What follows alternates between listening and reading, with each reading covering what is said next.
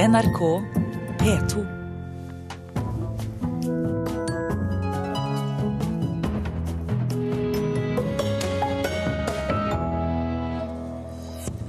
Årets valgkamp har manglet de store sakene, mer fragmentert enn noen gang, sier redaktører.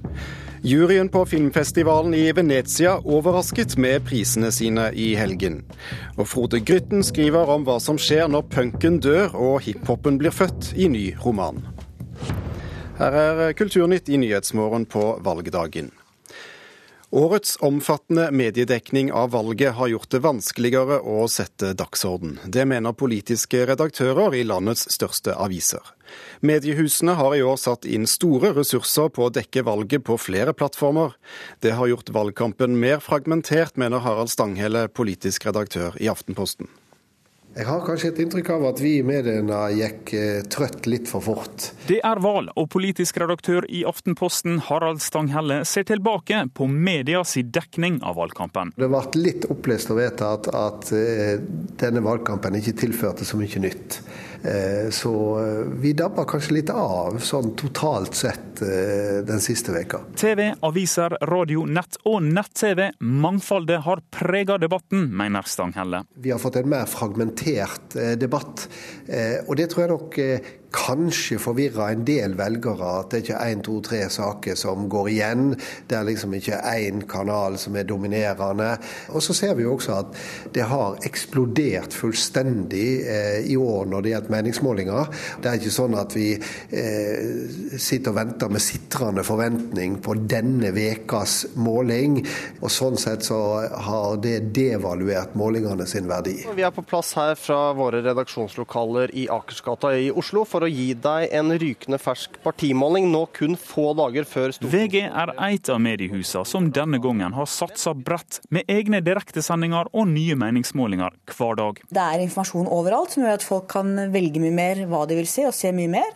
Eh, men det blir ikke i like stor grad som før en felles dagsorden som alle refererer til. I VG sin politiske redaksjon på kontoret med det store vinduet sitt politiske redaktør Hanne Skartveit. Det er mange som har prøvd å reise saker, eh, men det er, det er ikke én stor sak vi kan peke på i hvert fall ikke sett med mine øyne, som vi sier er game changeren i denne valgkampen. Det har vært mange saker, jeg synes det har vært gode diskusjoner. Men jeg kan ikke peke på én sak som er den store saken. Nå skal vi diskutere sexkjøpsloven og Også Dagbladet har hatt direktesendinger på nett fra studio foran Stortinget hver dag. Jeg har aldri vært programleder før, så det er litt sånn veien blir til mens det går. En av de som har stått foran kamera, er politisk redaktør Marie Simonsen. Jeg tenker jo av og til når disse politikerne kommer heseblesende innom valgboten valgbåten vår, at de har et voldsomt kjør og press på seg. De skal være alle steder til alle tider. Men så tenker jeg jo også at de eh, har utrolig mange kanaler å komme ut med budskapet sitt. Nå ser du at, eh, at det er ikke ett tema som får dominere. Og hvis det er en sak som er så svær at den liksom går i alle kanaler, så varer det bare noen timer omtrent, eller høyden en dag. Eh, jeg har fulgt med på TV 2 på valgdebatten der? Det er jo TV, det er jo det det går på. Det er så lett å sette seg ned hver dag og se. Folk framfor Dagbladet sitt studio liker også mer tradisjonelle medium. Eh, aviser og TV. Med den store satsinga på nye plattformer er det kanskje overraskende at de tradisjonelle kanalene kan vise til gode tall. De daglige valgsendingene til NRK har i snitt hatt 452 000 seere. TV 2 sine har et snitt på 400 000. Men jeg tror helt åpenbart om at fire år så sitter vi ikke benket foran sofaen sånn som vi gjør nå. Neste gang blir bildet et annet, tror Simonsen. Så hvorfor eh, NRK skal kunne gjøre det på gamlemåten om fire år, det ser jeg ikke for meg. Det sa politisk redaktør i Dagbladet Marie Simonsen. Reporter var Sondre Bjørdal. Toril Aalberg, eh, valgforsker ved NTNU. Hvorfor tror du vi ikke har hatt de store sakene denne valgkampen? Det er nok flere grunner til det. Delvis så handler det nok om at eh, partiene selv ønsker å kjøre på en del av de sakene som man på en måte har høy troverdighet for, og som man kjenner til og uh, har prøvd ut tidligere. Delvis så handler det nok om at velgerne selv også gjerne opp om at det er på en måte skole og omsorg og eldre og de her tradisjonelle sakene som er viktigst for dem når de skal gå og stemme. Betyr det noe det som redaktørene her sier, at valgkampen har, har skjedd i så mange kanaler? Ja, altså Jeg er enig i at den har vært uh, fragmentert på, på, mange vis. sånn at, uh, og det, uh, det, gjør jo sitt til at det er veldig mange forskjellige saker som, som, som kommer opp. Det, det, negative det blir jo nettopp den fragmenteringa. At det blir på en måte ofte nesten bare bruddstykker av, av debatter som, som, går, og at den, den, man får en manglende dynamikk. Men samtidig det, det positive ved det at den også kan ses på som å være relativt mangfoldig. i den forstand at det er jo mange forskjellige spørsmål som har blitt reist og som har blitt uh, tatt opp. Men vi mangler altså den her uh, helt klare saken som virkelig definerer valgkampen 2013. Er det medienes eller politikernes uh, skyld eller fortjeneste? Nei, Igjen så vil jeg nok dele eh, skyldspørsmålet her. Altså det, delvis så handler det om at, eh, at, partiene selv ønsker å snakke om ting de vet at de har troverdighet og er eh, gode på. Eh, men det er klart at eh, media spiller jo også en veldig stor rolle i den forstand at det, man må på en måte tørre å, å, stille politikerne eh, til veggs i forhold til også en del nye spørsmål som, som kanskje kan være viktige. Marie Simonsen eh, spår den tradisjonelle valgdekningens død ved neste stortingsvalg. Eh, deler du hennes syn? Nei, jeg gjør ikke det. Eh, og det er litt sånn morsomt, for at, ja, i hvert fall siden 2001 så har det vært en gjenganger i media at journalister ofte har sagt at i år så kommer måte internett til, eller nye medier til å bli, bli viktigst. Og det har enn så lenge ikke skjedd. Det er riktig at nye medier, og ikke minst sosiale medier, har blitt viktigere. Men jeg tror nok ikke at eh, velgere i 2000, og, altså om fire år eh, ikke kommer til å sette seg i TV-en og se på, på TV-debatter, f.eks. I tillegg til alle disse kanalene vi har vært innom, så har NRK og TV 2 også eh, hatt spesielle valgprogrammer rettet mot folk som kanskje ikke er så spesielt interessert i politikk. Det, har det vært nyttig, tror du? Det tror jeg har vært nyttig, og det tror jeg har vært en, en fin ting. Det vises jo også av de her seerstatistikkene at uh, man har sett en økning i seere, både generelt, men spesielt blant de, de yngste velgerne. Uh, og, og det syns jeg er en fin ting at også de yngste velgerne, som tradisjonelt kanskje har uh, det største informasjonsbehovet på mange vis, også får et tilbud om å følge med. Toril Aalberg, valgforsker ved NTNU, tusen takk for at du var med i Kulturnytt.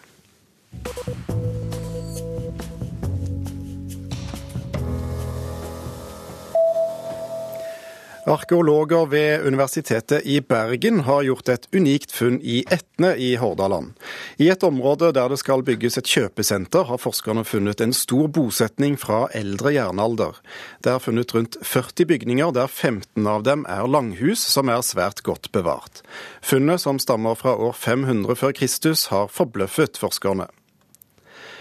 Skavlan skal sendes i Danmark. Talkshowet med Fredrik Skavlan er blitt sendt både, i både Norge og Sverige siden 2009, og denne høsten skal også programmet sendes på dansk TV. Talkshowet starter sesongen førstkommende fredag. En italiensk journalist og en belgisk skribent som ble bortført i Syria i april, er løslatt. Italienske Domenico Chiriccio var på jobb for avisen La Stampa da han ble tatt til fange i april.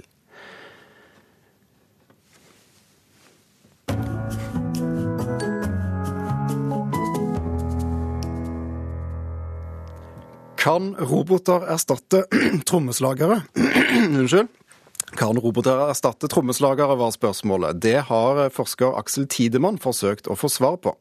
Han har utviklet en kunstig intelligent trommeslager som lærer å utvikle seg som menneskehjernen.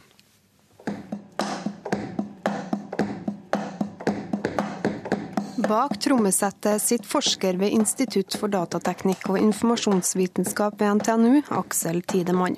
Han skal lære trommisroboten nye takter og bevegelser. Så brukes de opptakene her etterpå til å lære opp den, den kunstige trommeslageren. Og den fungerer veldig sånn som mennesker gjør, altså ved å imitere. Da. Det er jo en sånn veldig enkel egenskap, sånn som vi gjør, som, som barn gjør veldig lett. Og det er det samme prinsippet for uh, å trene opp denne trommeslageren. Tidemann har utvikla en kunstig intelligent trommeslager som har fått navnet Sheila. Sheila er ikke en fysisk robot, men en grønn strekfigur på dataskjermen. Som både spiller og beveger seg som en ekte trommeslager. Men det er ingen tilfeldighet at det her ble Tidemanns doktorgrad.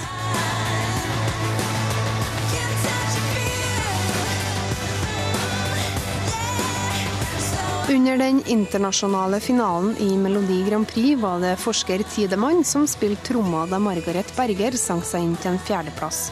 Hans hobby ble hans forskningsprosjekt. Altså, det er jo eh, en fare for at jeg gjør både meg sjøl og alle mine trommekompiser arbeidsløse. Eh, for det er, jo, det er jo den ultimate måte, anvendelsen av det her systemet. da.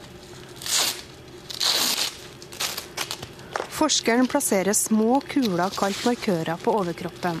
Når han spiller trommer, sender markørene informasjon til Sheila, slik at hun vet hvordan en ekte trommeslager beveger seg. Så får man en sånn fin, veldig menneskelig opptak av den bevegelsen man har. da. Mens Aksel spiller, beveger Sheila seg på dataskjermen.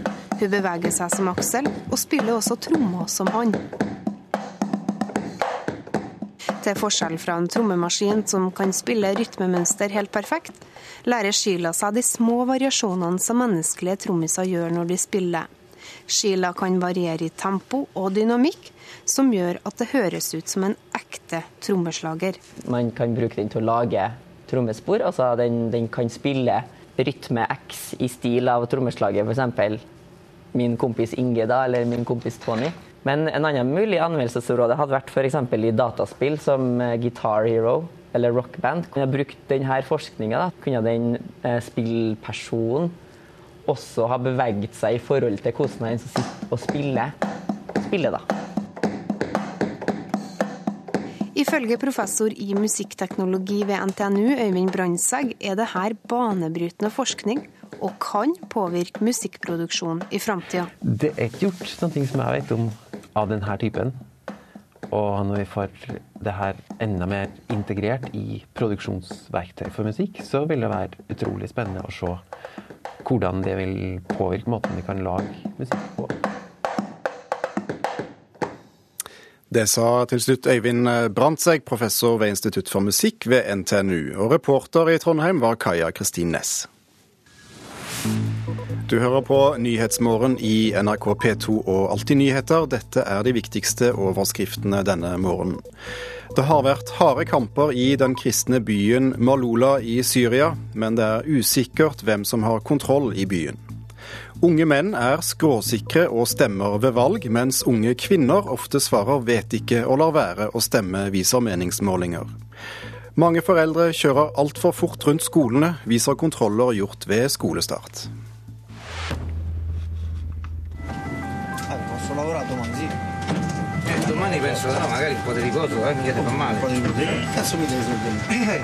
vieni da me. I regali, i soldi. Dette er eh, scener fra vinneren av Gulløven under filmfestivalen i Venezia i helgen. Sacro GRA om livet langs motorveien rundt Roma er første dokumentarfilm som vinner topprisen i Venezia, og første italienske film til å få Gulløven på 15 år. Jon Selås, filmanmelder i VG. Du eh, har eh, nettopp kommet hjem fra Venezia. Eh, først kort, hva slags film er denne Gulløve-vinneren? Ja, det er en film som handler om denne Sacro GRA. Det er en, rett og slett en ringvei rundt Roma, og så er det mennesker rundt der. Som blir portrettert på forskjellige vis, forskjellige utgaver og forskjellige mennesker. Det er en dokumentar, men eh, eh, veldig nyskapende er den knapt nok. Den tilhører vel egentlig sterk, mye sterkere enn en, en, en, sterk tidligere italiensk tradisjon, som en kan kalle neorealismen, som jo hadde det felles med denne filmen, at de har kamera, har veldig lite penger, går ut og lager film. Hvor overrasket er du over at dette ble årets gulløve? Eh, ingen visste at dette skulle bli årets gulløve, men vi visste at det ville bli noe helt uopplagt. Eh, det hadde Bernardo Bertolucci, som er juryformann, det sa han allerede på pressekonferansen, at dette skal bli en overraskende festival. Og det var én film som leda på absolutt alle målinger. Eh, publikums, kritikernes og, eh, og trykksakenes. Og det var 'Filomena' av Stephen Frears. En utmerka film som helt åpenbart burde vinne. Jeg skrev det fire dager før utdelinga kom til å skje. Fordi at den var så åpenbar, så kom den aldri til å vinne. Og denne med, med Judy Dench og Steve Coogan kom, fikk altså bare pris for, for beste manus, var det vel? Beste manus til Steve Coogan, og det er ganske utmerka. Men det, det, er helt klart en film som vil komme langt oppe, f.eks. når en snakker om Oscars.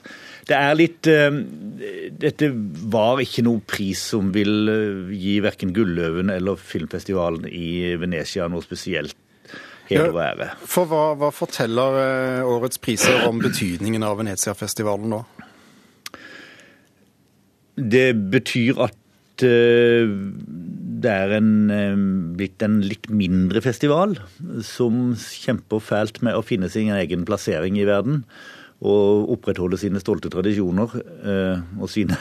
Men den opprettholder jo sitt, eh, sitt rykte for å ha et eh, svært blanda omdømme.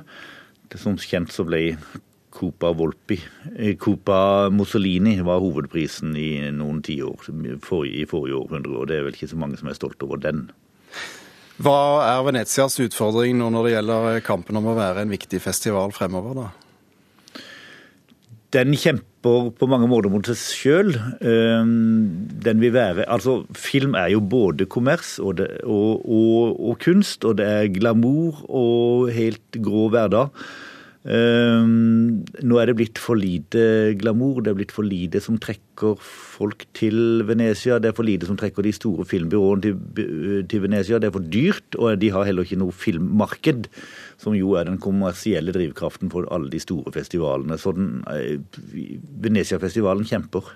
Vi får følge med utviklingen neste år. Jon Selås, filmanmelder i VG, tusen takk skal du ha.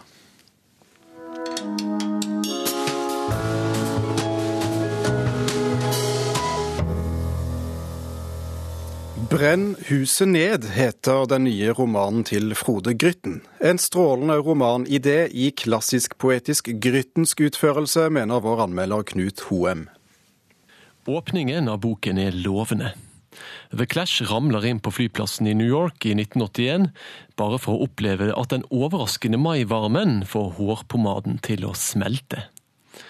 Dermed starta The Clash det som skulle bli en legendarisk konsertrekke på Bonds International Casino på Times Square, med en skikkelig bad hair day. Og Det er en god metafor hvis ønsket er å gripe et band som akkurat da var på vei inn i en retning fansen ikke forsto. Med trippelalbumet Sandinista hadde bandet fortalt verden at punken var så ettertrykkelig over. Og hvis det finnes én kveld i populærmusikkens historie når punken dør og hiphopen blir født, så kan det kanskje være den kvelden når hiphopgründerne Grandmaster Flash and The Furious Five blir buet av scenen av et publikum som ikke har skjønt det, og som skriker We want the clash. Etter denne spreke starten faller romanen inn i et mer klassisk gryttensk toneleie. Frode Grytten skriver så poetisk og gyngende at det nærmer seg prosadiktning. Brenn huset ned er en overlappende fortelling fortalt av hver og en av bandmedlemmene. Men selv om den ene er en forfengelig lykkejeger, en er politisk og en annen er på kjøret, så låter de alle ganske likt. Gryttensk. Er det så noe å innvende mot Grytten når han er på sitt mest gryttenske? Er det sånn at den poetiske formen skaper avstand og dermed mindre engasjement? Ja, gjør teksten uangripelig? Det er i hvert fall sånn at romanen aldri eksploderer i ansiktet ditt, som eksempel Bølle på døra av Jennifer Egan gjorde. Også det var en rockeroman som i likhet med denne tematiserer hvordan tiden er en brutal jævel som til slutt knekker selv de vakreste og mest udødelige rockestjerner og de råtneste managere. Det hadde gått an å se for seg en helt annen roman om The Clash, signert Frode Grytten. En skitnere, mer scrapbook-preget affære, der forfatteren har lagt alle kildene sine åpne og brakt inn seg sjøl der han sitter i regnværet i Fyllingsdalen og skriver. Men da hadde vi jo gått glipp av det poetiske, og der ligger det en særegen kvalitet, vil jeg hevde. Kanskje er det det som er det urgryttenske. Ja, Det mente Knut Hoem, som hadde lest romanen 'Brenn huset ned' av Frode Grytten. Og vi fortsetter med litteratur. Vi skal til Berlin og til det mange mener er Tysklands mest spennende litteraturfestival. Mer enn 160 forfattere fra rundt 50 land deltar. Den politiske temperaturen er høy, og publikum strømmer til som aldri før. Vår reporter Arnt Stefansen har tatt pulsen på den internasjonale litteraturfestivalen i Berlin.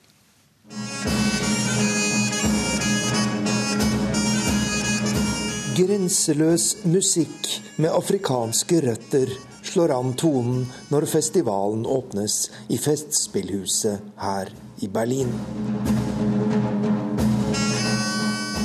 Hjemsted, identitet og globalisering er viktige temaer for den 13. internasjonale litteraturfestivalen. Og den som åpner arrangementet, er forfatteren Taye Selassie, født i London, vokst opp i USA og bosatt i Roma. Hun har skotsk-nigeriansk mor og ghanesisk far, og hun slår fast at afrikansk litteratur ikke finnes. Forskjellene mellom Angola og Senegal er like store som mellom Østerrike og Spania. Men ingen bruker uttrykket europeisk litteratur. Så hvorfor snakker man hele tiden om afrikansk litteratur, spør Taye Selassie, som nå gjør internasjonal suksess med sin bok 'Ghana Must Go'. Dette er en betydelig litteraturfestival i Tyskland, sier talskvinne Anne Kirsti Karlsen ved Norges ambassade her i Berlin. Ofte den som har fått mest politisk oppmerksomhet, som skaper debatt i mediene. Ofte rundt utenrikspolitiske temaer og temaer knyttet til ytringsfrihet. Så det er en viktig festival i tysk litterær sammenheng. På scenen i Berlins festspillhus står to tomme stoler. Det er for to inviterte som av spesielle årsaker ikke kunne komme, forklarer arrangøren. Edward Snowden og Julian Assange. Og med Salman Rushdie som festivalens største navn, er temaet ytringsfrihet solid satt på dagsordenen. To andre kjente navn er nobelprisvinneren John Maxwell Kutzie fra Sør-Afrika og den tyske suksessforfatteren Daniel Kehlmann. En trickbetrüger muss sich ständig was einfallen lassen. Den 38 år gamle Daniel Kehlmann hadde sitt store gjennombrudd med 'Oppmålingen av verden', som er den største suksess for en tysk roman på tre tiår. Nå er han ute med en ny bok under tittelen F, der skjebnens tilfeldigheter er et gjennomgangstema. Men festivalen her i Berlin er ikke bare et sted for de store navn. Det er også en mulighet for de unge og ukjente, sier litteraturanmelderen Birgit Koss i Deutschlands Radio. De uh, som Teil aus fernen Ländern kommen, die also ganz neu hier auch vorgestellt werden. Mange kommer fra fjerntliggende land og får sin første sjanse til å møte et stort europeisk publikum. I år har vi nye forfattere fra så ulike land som Brasil, Tyrkia, Hviterussland, Pakistan, Senegal og Australia. Og dette mener jeg er noe av det viktigste med hele festivalen, sier anmelderen. Men blant de 160 forfatterne på Berlins litteraturfestival er det ingen fra Norge. Har norsk litteratur mistet sitt grep på tyskerne, spør jeg Anne Kirsti Karlsen ved Norges ambassade. Nei, Det tror jeg absolutt ikke. Det beror nok på en tilfeldighet at det ikke er noen norske med der i år. Og vi har no andre norske forfattere som er i Tyskland hele tiden på, i forskjellige sammenhenger. Til sammen har tidligere 21 nordmenn, uh, norske forfattere, deltatt på denne festivalen. Det var vår reporter i Berlin, Ernst Stefansen, som hadde vært på litteraturfestivalen. Og med det er Kulturnytt over denne morgenen. Produsent var Halvor Haugen, teknisk ansvarlig Beate Haugtrø, og i studio Thomas Alverstein Ove.